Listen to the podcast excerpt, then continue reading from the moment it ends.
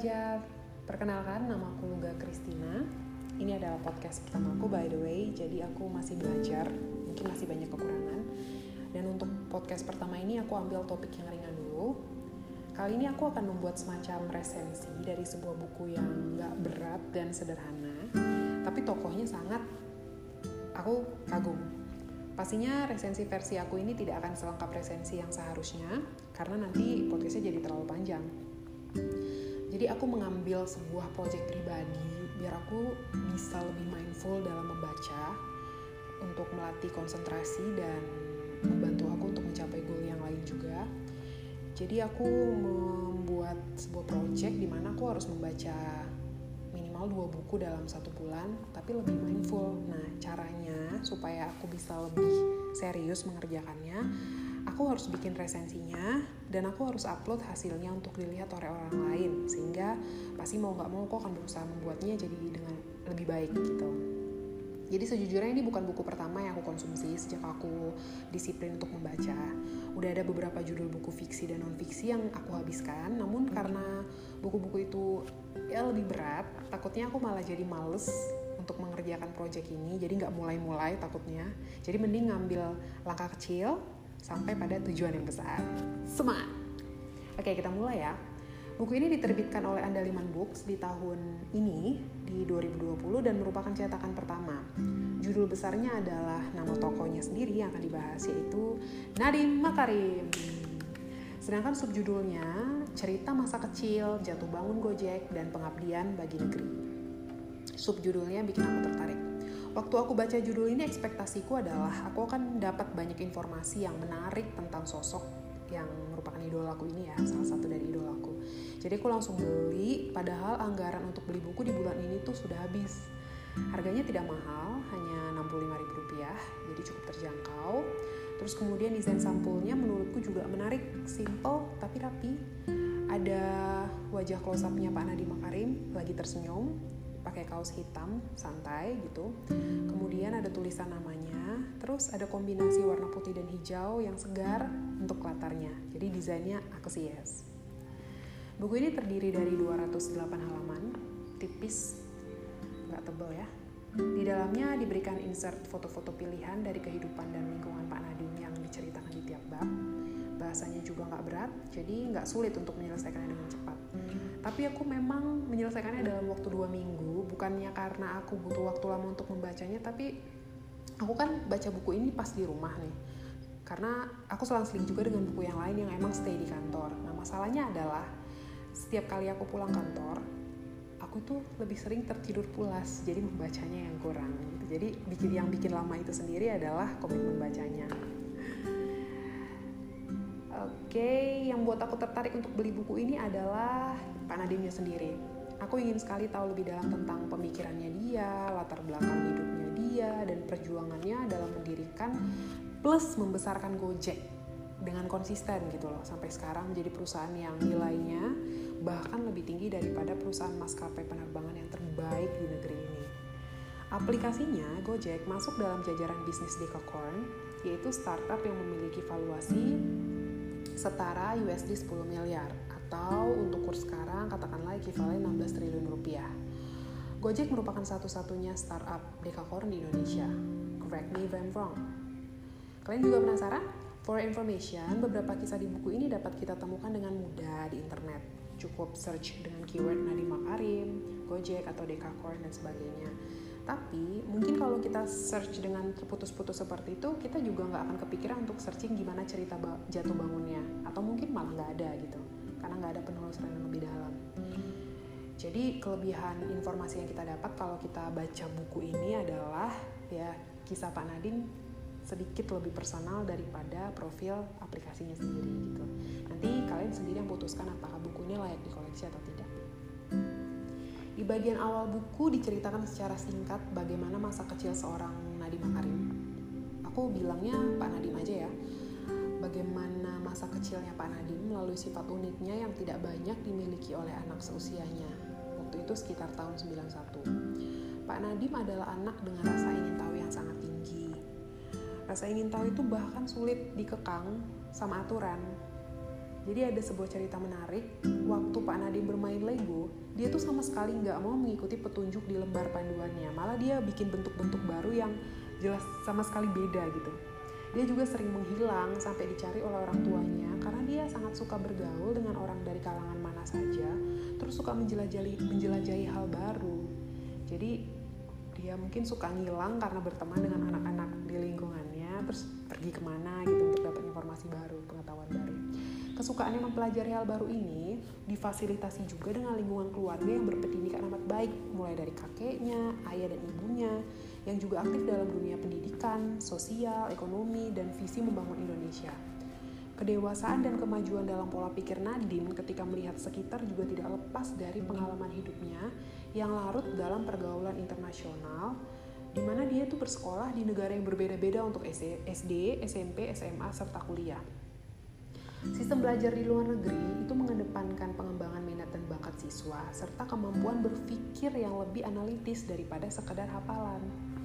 Aku lumayan menggelitik, tergelitik sih waktu baca ini karena aku masih ingat pada waktu ujian dulu waktu masih sekolah, masih sempet ya pagi-pagi waktu mau berangkat sekolah itu sambil memakai perlengkapan sekolah kayak sepatu atau baju, aku tuh masih bisa bicara sendiri. Jadi menghafal gitu sambil dalam perjalanan ke sekolah juga Nah, positifnya maksudnya uh, aku bisa melewati ujian itu dengan baik, nilainya bagus, tapi setelah hari itu berlalu ya aku udah nggak ingat apa-apa lagi karena emang aku bukannya paham tapi cuma hafal aja gitu. Dan ya menurutku kita perlu sih dirangsang uh, untuk bisa menganalisa suatu persoalan sejak dari usia kita masih dini gitu buat anak-anak sekolah sekarang.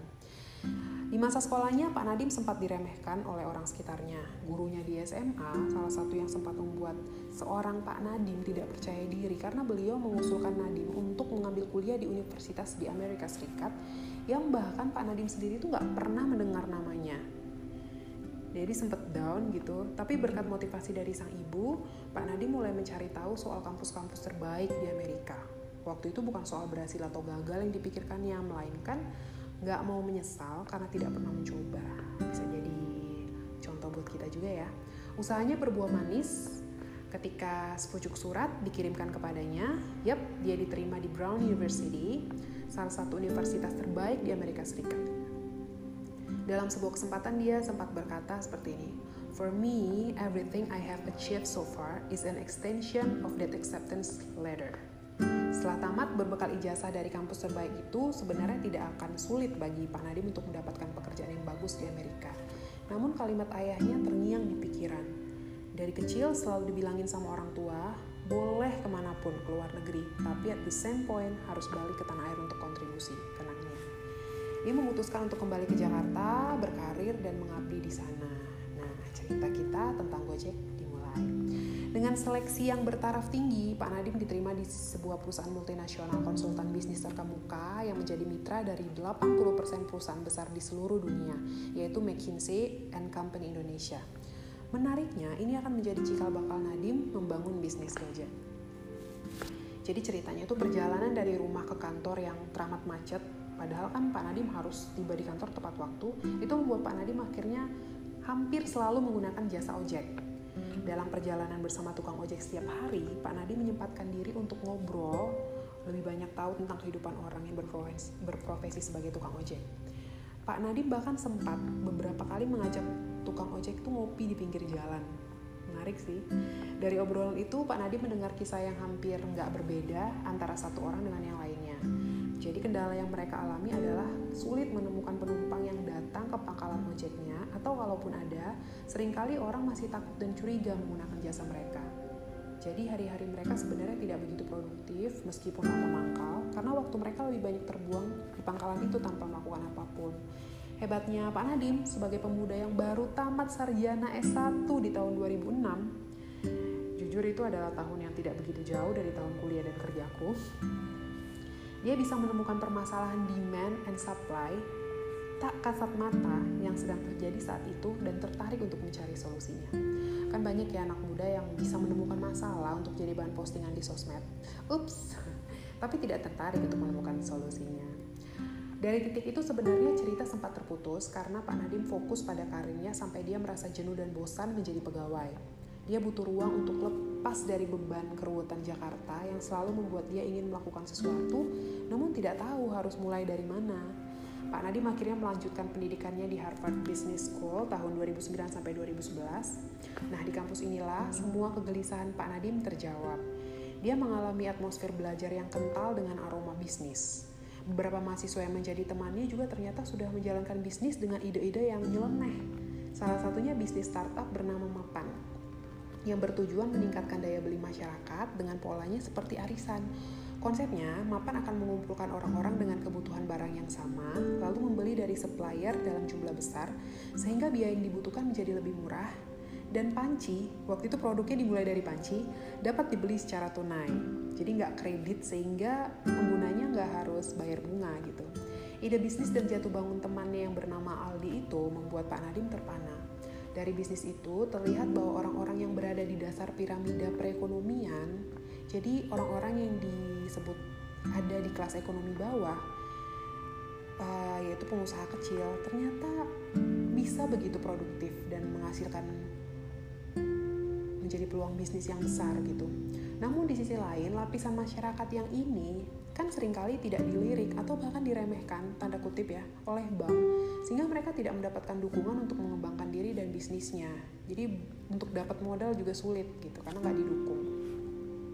Fenomena demand and supply ojek kembali terngiang di pikiran Pak Nadiem. Dia yakin tukang ojek juga punya potensi yang besar untuk dikembangkan, sekaligus dapat mengurai kemacetan yang begitu parah di Jakarta. Wah jelas ya punya pemikiran sebegitu ya. Setelah kuliahnya selesai, Pak Nadiem Makarim dan tiga orang temannya, Brian Chu, Juristan, dan Michelangelo Moran, mantap merintis bisnis Gojek. Jatuh bangun Gojek juga diceritakan di buku ini termasuk ketika Nadim dan rekan-rekannya terpaksa bekerja di beberapa perusahaan seperti Zalora dan Kartuku untuk mendapatkan penghasilan yang akan dipakai untuk operasional Gojeknya sendiri gitu, supaya Gojek nggak tutup. Rekan-rekannya pun sempat berganti karena setelah jatuh bangunnya itu mereka menemukan tujuan lain dalam bisnis dan hidupnya. Jadi akhirnya mereka harus melepaskan kepemilikan di Gojek dan pisah dari Pak Nadiem.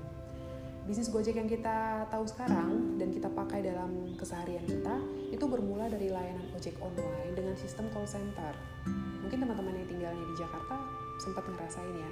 Kalau aku yang di daerah sih nggak uh, sempat. Jadi udah tahu Gojeknya memang dalam bentuk aplikasi seperti. Penerimaan masyarakat cukup baik dan para pengemudi pun gembira karena sistem bagi hasilnya sangat menguntungkan mereka. Pertama kali pembagiannya itu adalah 65% 35%. Kemudian lewati perjalanan waktu e, diubah malah semakin baik buat driver yaitu 80 20. Luar biasa ya. Perkembangan paling pesat dari layanan Gojek adalah ketika mereka meluncurkan aplikasi Gojek di tahun 2015 yang kita gunakan sekarang. Mulai dari fitur sederhana yang terdiri dari empat layanan dan terus berkembang hingga sekarang ada 30 layanan. Di buku ini dicatat bahwa di akhir semester pertama tahun 2019, aplikasi Gojek sudah diunduh oleh lebih dari 155 juta pengguna dengan lebih dari 2 juta pengemudi dan hampir 400 ribu mitra merchant. Wow, kelanjutannya teman-teman bisa baca sendiri di bukunya. Seperti yang kita lihat sekarang, seorang anak muda bernama Nadiem Makarim sukses mengubah hidup para tukang gojek dari yang tidak paham teknologi jadi melek dan produktif sehingga bisa menyekolahkan anaknya dan melakukan hal lain untuk diri dan keluarga. Jadi kayak yang tadinya nggak bisa bermimpi sekarang berani bermimpi untuk hidup yang lebih baik bahkan untuk kehidupan keturunannya gitu. Selain itu kita sebagai pengguna juga mengalami perubahan kan dalam hidup.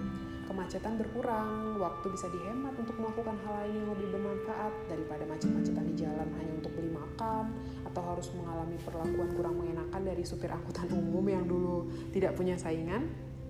Karena untuk naik taksi dengan argo sepihak, kita tidak punya cukup uang kan? Aku pribadi kagum banget dengan Pak Nadiem Makarim. Oke, kita wrap up. Pelajaran yang aku dapatkan dari seorang Nadim dalam perjuangan yang merintis dan membesarkan Gojek adalah yang bisa jadi contoh buat aku. Satu, berani mencoba meskipun diremehkan. Yang kedua, membangun pergaulan yang luas mulai dari tukang ojek sampai pengusaha yang kemudian pengusaha itu sendiri akan memperkenalkannya pada investor-investor yang kelak bekerja sama dengannya. Yang ketiga, cepat menyesuaikan diri. Pak Nadim selalu harus berada di lingkungan baru. Bahkan dia bilang selalu berada di dalam lingkungan di mana dirinya itu selalu jadi minoritas. Karena kan dia selalu sekolah di luar negeri ya, mulai dari SMP. Namun alih-alih down, dia malah bergairah untuk mengenyam lebih banyak ilmu dari lingkungan baru tersebut. Yang keempat, tidak keberatan dengan perdebatan asalkan berorientasi solusi seperti yang kerap terjadi antara Nadim dan co-founder Gojek yang lain.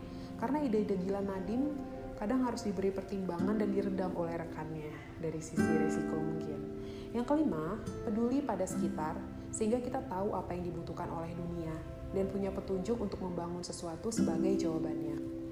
Yang keenam, bertanggung jawab sosial dengan menjadi pengusaha yang bukan hanya berambisi menghasilkan uang untuk kepentingan diri sendiri, tapi juga meningkatkan taraf hidup masyarakat dalam hal ini driver Gojek dan juga mitra-mitra merchant ya yang bekerja dengan bekerja sama dengan mereka. Oke, itulah resensi ala-ala dari buku Nadiem Makarim, cerita masa kecil jatuh bangun Gojek dan pengabdian bagi negeri. Semoga akan ada buku lain yang bisa mengisahkan kisah Nadiem lebih detail, bahkan dari sudut pandang sang tokoh sendiri. Aku sih berharap seperti itu. Itu dia podcast pertamaku dan aku berharap uh, keberanianku untuk memulai ini akan aku terus lakukan dengan konsisten untuk membahas atau membawa topik-topik yang lebih segar dan bisa menambah pengetahuan buat teman-teman semuanya. Saya Luga Kristina, sampai ketemu di podcast berikutnya. Bye!